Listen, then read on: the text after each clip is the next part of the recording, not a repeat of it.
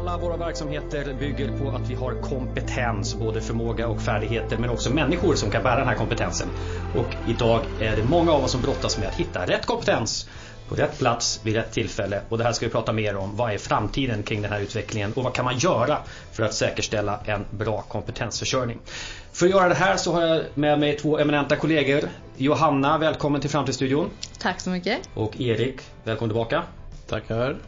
Eh, ni två jobbar speciellt just med, med kompetensförsörjningsspåret just nu och eh, låt oss först spana lite grann kring det läge vi är i. Varför är det så hög kompetensbrist nu? Har det, eh, liksom, hur har problemen varierat över tid? Vad säger du Erik som har längst track record här? Jag tänker att det är flera faktorer som avgör det här men en av dem är faktiskt i Sverige i alla fall är ju en ren fråga om att vi har ganska få människor som är unga vuxna just nu. Alltså så få 20-åringar som vi har nu har vi inte haft för 70 år.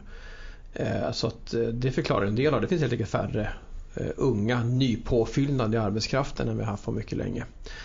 Och det är också en av de sakerna som på sikt kommer påverka alltså, hur många som behöver jobba. Om man har andra änden då allt fler äldre och framförallt äldre äldre som är på väg så kommer det i sin tur vara krävande på insatser för aktörer inom vård-Sverige. Så att det kommer behövas mycket folk. Därmed spär demografin på i båda ändarna. Mm, just det. Eh, en annan del är att vi också har haft en långtgående automation av saker och ting vilket man kan tycka borde göra att vi behöver färre människor och det är å ena sidan sant. Och vi går in i en ny situation där AI och annan digital, alltså nästa våg av digitalisering förändrar ytterligare kompetenssituationen. Men det gör också att de uppgifter som blir kvar de blir mer komplexa än tidigare. Man har en långsam förskjutning av att man, alltså, det som räckte för en duktig elektriker för tio år sedan räcker inte idag längre. Man kan inte, räcker inte bara med att kunna dra kablarna på rätt ställe utan måste kunna konfigurera digitala miljöer. Du måste förstå sammanhanget du befinner dig i, hantera hållbarhetsfrågor och ett antal andra saker. Plus jobba mer tillsammans med andra. Så att automation och en breddning av arbetsuppgifterna gör att du får mer komplexitet idag vilket gör att kompetensbristen ibland är en chimär. Om man tänker att kompetensbristen handlar om att det finns för lite människor. Ja, men framförallt finns det för lite människor som har alla de förmågor som krävs. Just det. Och då tänker jag ett annat spår där också och vänder mig till Johanna då. Eh, om nu Erik är den som har följt den här frågan längst så är du, alltså, du den som mest nyligen har studerat. Vad tänker du om samhällets signal till människor när det gäller val av utbildning också och de val som unga har gjort? Har du någon, vad är din bild av förändringen hur man valt yrkesbana och sådana saker? Vi ser ju eh, privat sektor skriker efter ingenjörer till exempel och, och matematikbaserade ämnen så att säga har, har tappat i popularitet. Vad, vad ser du för trender där kring hur unga väljer jobb och vad det är för typ av kompetens man väljer att skaffa sig och vad signalen från samhället hur man ska tänka när man väljer kring de här frågorna? Ja, eh, nu kanske jag inte kommer svara på precis den frågan men det som kommer till mig när du ställer frågan i alla fall är att eh, jag tror att många upplever att utbildningsväsendet laggar efter lite när okay. det gäller hur man definierar kompetens. Eh, som Erik var inne på till exempel om man utbildar ett gäng elektriker så handlar det inte idag längre bara om att kunna dra kablar eller säkert jättemånga andra avancerade saker som elektriker också gör. Utan det handlar också mycket mer om, vi ser att många organisationer efterfrågar andra typer av kompetens, alltså mer svårgreppbara mjukare kompetenser om man så vill. Alltså saker som kundbemötande eller kunna tänka helhet eller eh, connecta rätt människor med varandra, eh, kunna lära sig nya saker på ett effektivt sätt.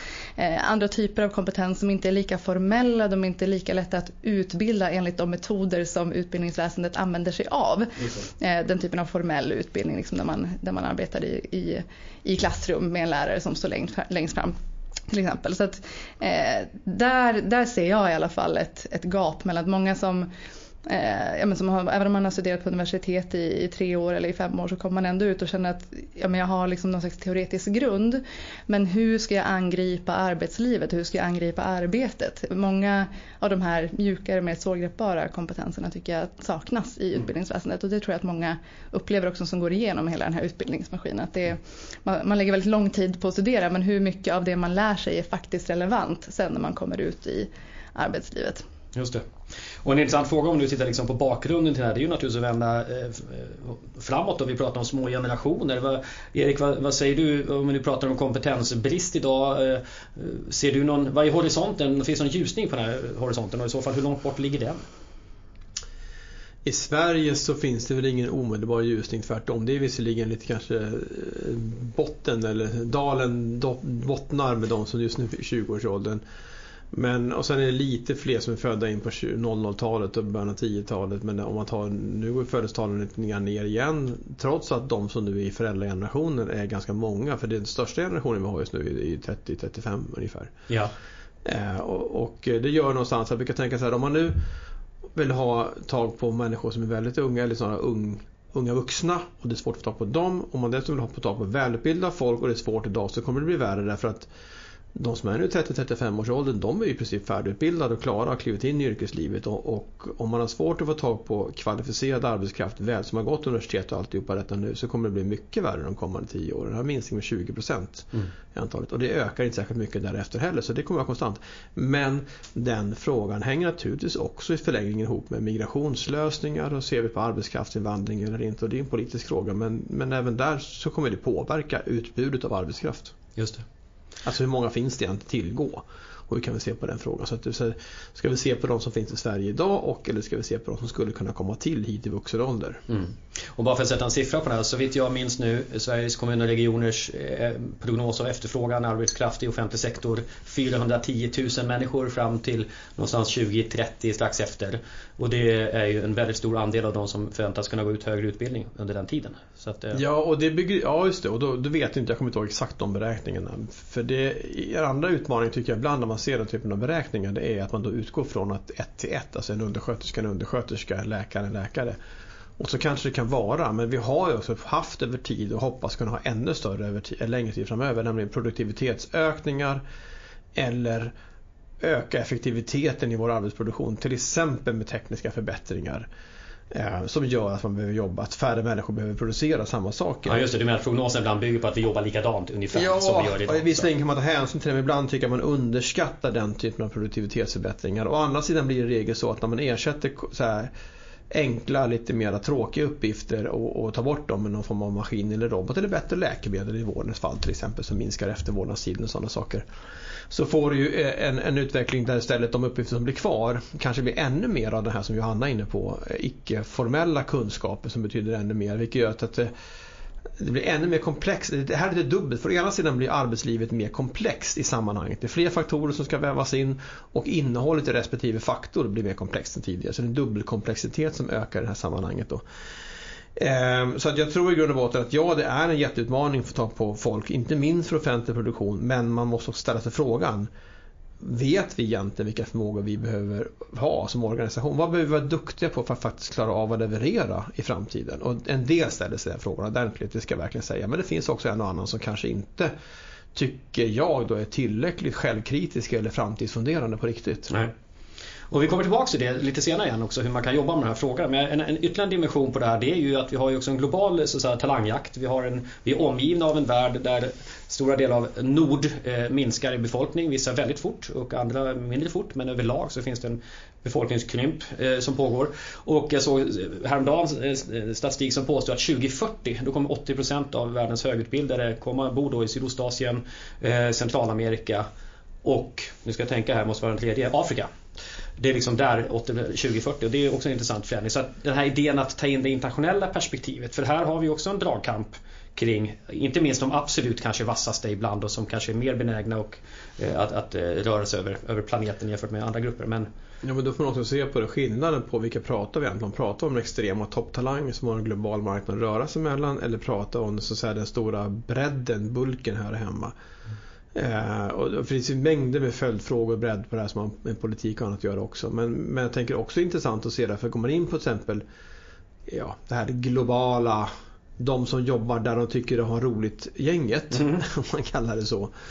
Så är det också så. Ja, men ta liksom, jag vet svenska organisationer som håller på, det har lite Johanna pratat om. Du kan väl ta exempel med när man ska sourca ut IT-lösningar till Indien till exempel.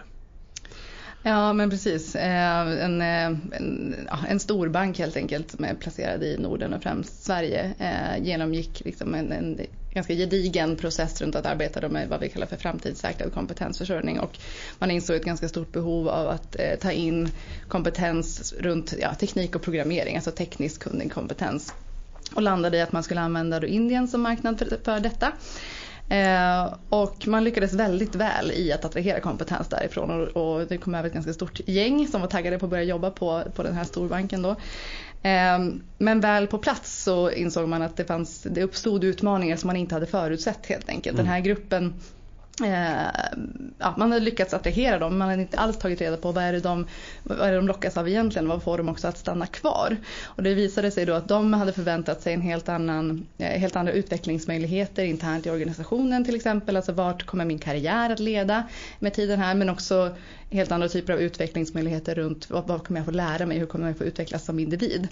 Eh, vilket resulterade i väldigt hög personalomsättning på den här gruppen och mycket större kostnader än intäkter då i slutändan. Så det är ett, ett exempel på hur det kan gå om ja, man och inte... det tycker jag är jättebra, eller bra, det är tråkigt att det blev så men det är ett bra exempel på att man måste faktiskt förstå sin målgrupp och tänka att ja, men bara för att man är en programmerare eller en tech-kille eller tjej så kanske faktiskt finns kulturella skillnader. Det finns annan förväntan på karriärmöjligheter och lön om du kommer till andra delar av världen än vi har i Sverige till exempel och tvärtom. Och jag tycker det är ett väldigt bra exempel på att visa att det inte alltid bara plocka in någon som har samma typ av formell kompetens så kommer det funka här. Även om man kan förstå att det finns kulturella skillnader så är de kanske ibland större än vi vill tro och det mm. är en utmaning. Om ja, man inte har annat, tagit med den aspekten. Mm. Och ett, annat, ett annat ganska bra exempel på det tycker jag är i, i Nynäshamn där jag bor eh, i den kommunen så har man haft brist på eh, ambulanssjuksköterskor ganska länge. Samtidigt som man har haft en grupp som, har, ja, men som kommer från andra länder och andra kulturer som står där hungriga på att liksom skaffa sig en utbildning, skaffa sig ett jobb, vill komma ut i arbetslivet. Så att man gjorde en ganska stor insats då att ta en del av den här gruppen och erbjuda dem utbildning och bli ambulanssjuksköterskor.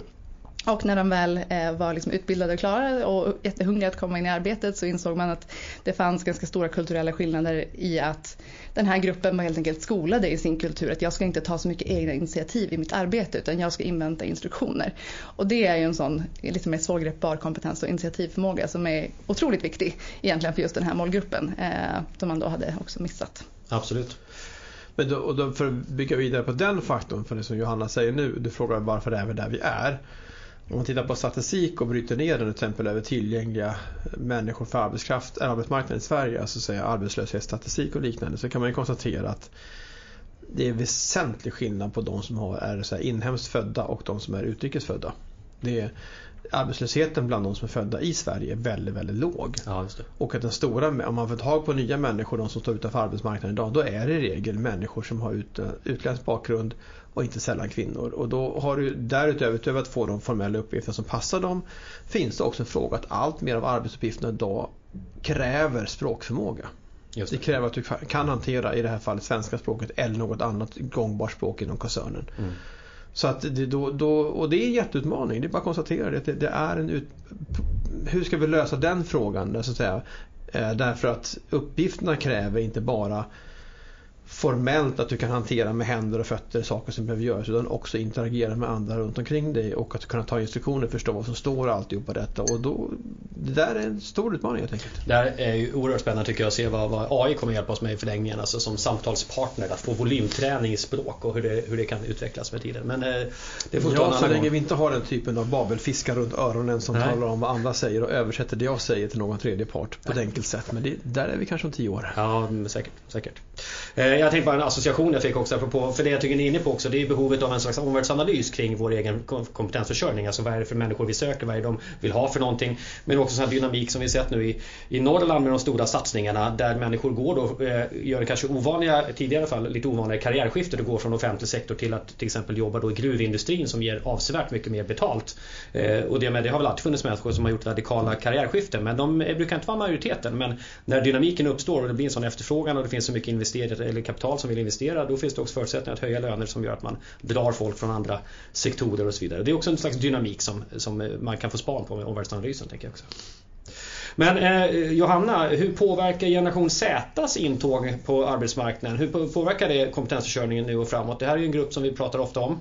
Födda 95 till 2005 ungefärish, beroende på vem man frågar, men där i krokarna. Idag är liksom slutet på gymnasiet, eh, universitetstiden är ålder ungefär, någonstans sånt. Vad, vad, vad gör de för skillnad för de här frågorna, kompetenskörning framåt?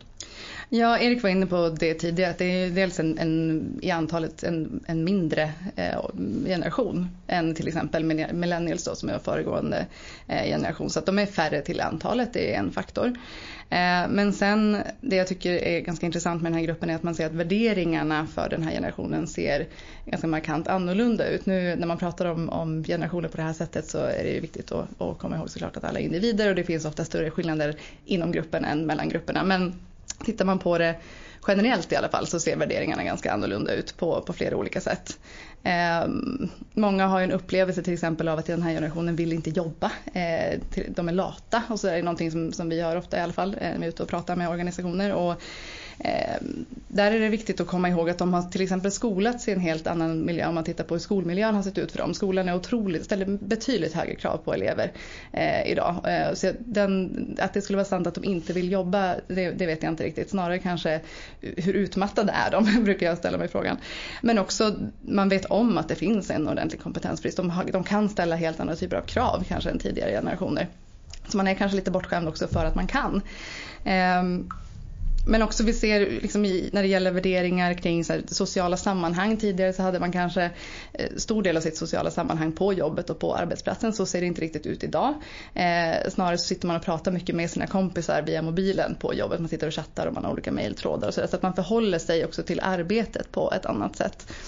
Ehm, och sen när det gäller värderingar i stort så ser vi att saker som till exempel omtanke eh, från arbetsgivaren är otroligt viktigt. Man vill känna att, att arbetsgivaren bemöter en med hjärta helt enkelt. Det är väldigt viktigt. Och saker som, som transparens och autenticitet. Ehm, den här generationen är ju generellt sett betydligt mer kritiska mot saker som könsnormer eller eh, liksom normer runt sexualitet. Alltså det här att vara dig själv och vara ärlig och vara transparent med, med vem du är. Eh, är också någonting som man värdesätter på ett annat sätt än tidigare. Här tänker jag på någonting som vår analyschef Peter Perneman brukar nämna att när vi frågar folk som jobbar med HR så brukar de säga att unga undrar liksom eh, vad arbetsgivaren gör för världen. Men eh, det unga egentligen frågar är vad gör det för mig? Eh, och att det finns här en skifte mellan idé om att man är väldigt syftesdriven. Och det här tycker jag är intressant för vi också vet att data den är väl kanske i sig en handfull år gammal nu men det är ändå 57% av unga som då brukar vara 19 till 29 de svarar på det här som säger att 57% jakar på att nej men, ja, jobbet är mig, alltså värderingarna ska synka väldigt väl. Så att å ena sidan är det så att, som du är inne på, livet handlar inte om att jobba. Men, eh, och jag vill också bli omhändertagen och få bra service och dessutom är jag van då som individualist, uppfostrad som individualist i det här samhället så att säga. Eh, att få, få ha en viss valfrihet och, och bli lyssnad på. Men samtidigt ska värderingarna, eller och samtidigt ska värderingarna vara väl i synk då med arbetsgivaren. Håller du med om den här bilden? Ja, absolut. Och det, jag tycker det, man kan dra tillbaka det till återigen att man kan ställa högre krav eh, på grund av, man vet, man vet om att det finns en kompetensbrist, men man har möjlighet att ställa andra typer av krav. Mm. Eh, och då klättrar man kanske högre upp i liksom Maslows behovstrappa då i vad man, vad man eh, ser att man kan efterfråga från sin arbetsgivare mm. helt enkelt. Men jag tänker där är också en del av det att, att eh, som du är inne på Johanna, att det är en väldigt socialt driven grupp och de sociala sammanhangen vid sidan av jobbet spelar minst lika stor roll som själva jobbet i sig själv. Och att som arbetsgivare är en sak att förstå det i huvudet men verkligen tänka igenom vad betyder det sen då? då? Eh, vad kommer det göra sen arbetsplatsen säger att du får inte hålla på och chatta med dina kompisar på arbetstid för det är, icke, det är inte arbete längre. Du, då kommer du tappa på en gång attraktionskraft. Mm. Utan du måste fundera på hur kan vi snarare göra på ett schysst sätt och gå i dialog med det. Hur kan vi göra det här? Så jag förstår att du behöver chatta med dina kompisar men kan du inte göra det då och då istället för hela tiden? Eller vad man nu har för någonting i det sammanhanget. Då. Mm.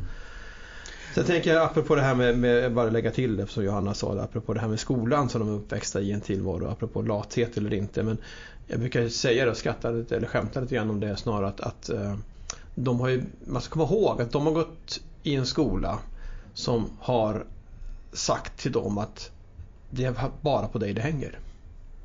Alltså alla kan få A i betyg bara du anstränger tillräckligt mycket. Vi som är lite äldre kommer ihåg tiden när det plötsligt var fem månader slut. Det fanns inga fler delar ut. Nej, okej då. Slut. Jaha, du kan få fyra i bästa fall. Jaha. Men här kan alla få toppbetyg, bara man anstränger sig. Och den signalen är lite sublim.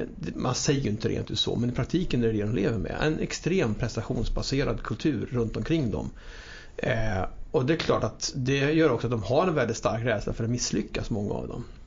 Ja, det är ju fler som lyfter en generell samhällsutveckling där man ibland kallar det för en slags att vi har importerat en slags mer amerikansk syn på vägen till lycka. Alltså är du framgångsrik så är det för att du jobbar hårt. Är du inte framgångsrik så är det för att du är lat och inte anstränger dig. Men det är konsekvensen lite som du är inne på. Att det finns en idé att om jag inte, alltså jag, jag är min egen lyckas med och blir jag inte framgångsrik då är jag kritisk mot mig själv. Då får jag bära hela ansvaret.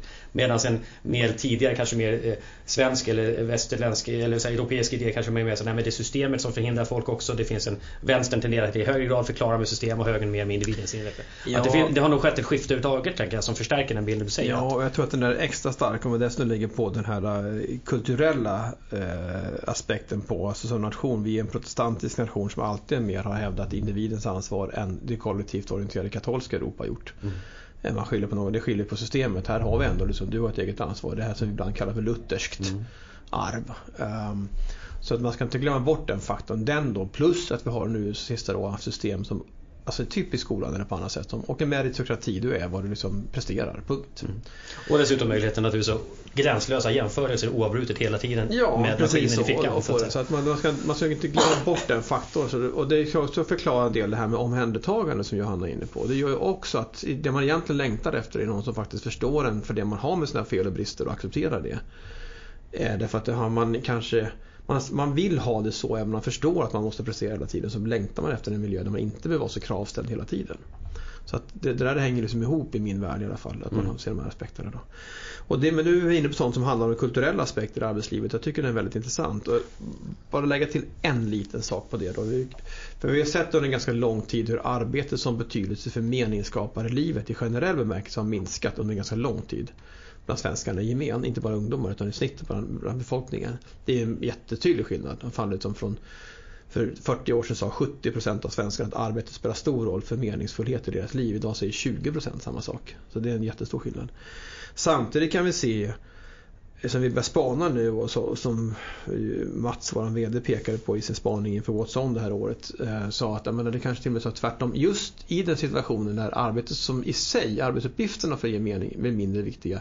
Så kanske arbetsplatsen återkommer till som en plats för eh, så så meningsskapande. Alltså arbetsplatsen blir den nya kyrkan eller en miljö där man vill ha någon slags dimension som är mer än bara lön för mödan. Så det är väldigt dubbelt det där. Arbetsinnehållet spelar mindre roll för meningen i livet men samtidigt längtar man efter platser då det finns ganska få sådana arenor idag kollektivt där man kan ha den typen av resonemang eller hindra den typen av grejer.